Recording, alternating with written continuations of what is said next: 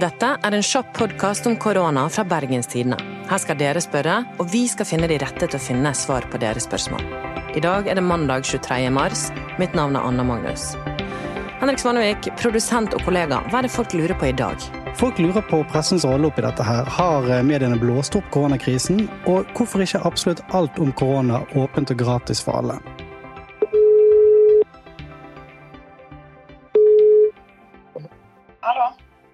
Hei, Frøy. Hei, Anna. Flott, du hører meg. Kan du høre meg nå? Er det greit? Ja, jeg hører deg. Er det ok lyd sånn? Veldig god lyd. Frøy Gudbrandsen, du er sjefsredaktør i Bergenstidene. Du er ansvarlig for alt som blir utgitt av BT, også denne podkasten her. Synes du at mediene har blåst opp koronakrisen? Nei, jeg syns ikke det.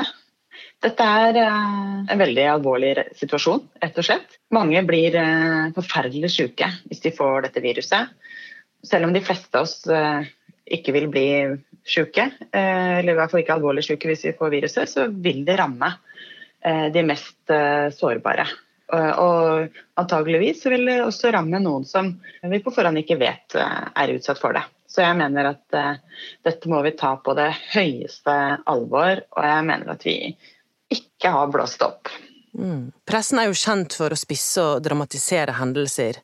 Er det noe av det vi kan se nå blant ulike aviser og medier i Norge? Jeg syns i det store og det hele at norske medier har eh, latt være å eh, spisse for mye og hause det for mye opp. Eh, og så kan ikke jeg svare for absolutt eh, alle nyhetsmedier i Norge, for dem finnes det mange av. Og jeg har heller ikke oversikt over alt som har vært eh, publisert i disse her helt ville dagene.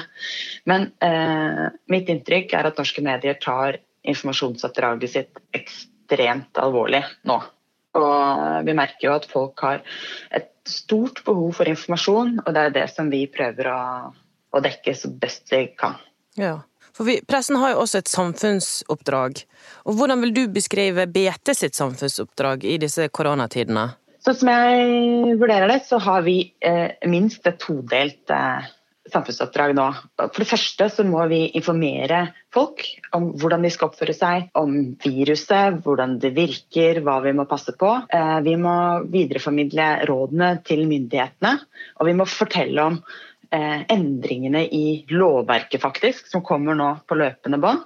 Så det er bare å informere om hva som skjer, er uhyre viktig at vi bidrar til nå. Og det skjer så masse. Det har skjedd helt ekstremt masse de siste dagene, så det er det vi har brukt aller mest ressurser på nå den første tida. Mm. Men så har vi et annet samfunnsoppdrag som også er veldig viktig nå. Og det er eh, å følge med på hva myndighetene gjør, og stille de nødvendige kritiske spørsmålene. Nå bruker norske myndigheter mye makt, og de vedtar nye lover nesten hver dag. Og det har store konsekvenser for folks liv. Og da må vi eh, følge med og stille spørsmålene om er dette nødvendig, Eh, er det tilstrekkelig, eh, rammer dette noen? Bruker rett og slett myndighetene for mye makt nå? Der må vi passe på å stille spørsmålene og følge med. Ja. Hva tenker du om balansen mellom å skape frykt og gi nøktern informasjon? Det som er vanskelig nå, er at eh, noe av den nøkterne, saklige informasjonen vi gir nå, den er faktisk egnet til å skape litt grann frykt. Eh, for dette er en alvorlig situasjon.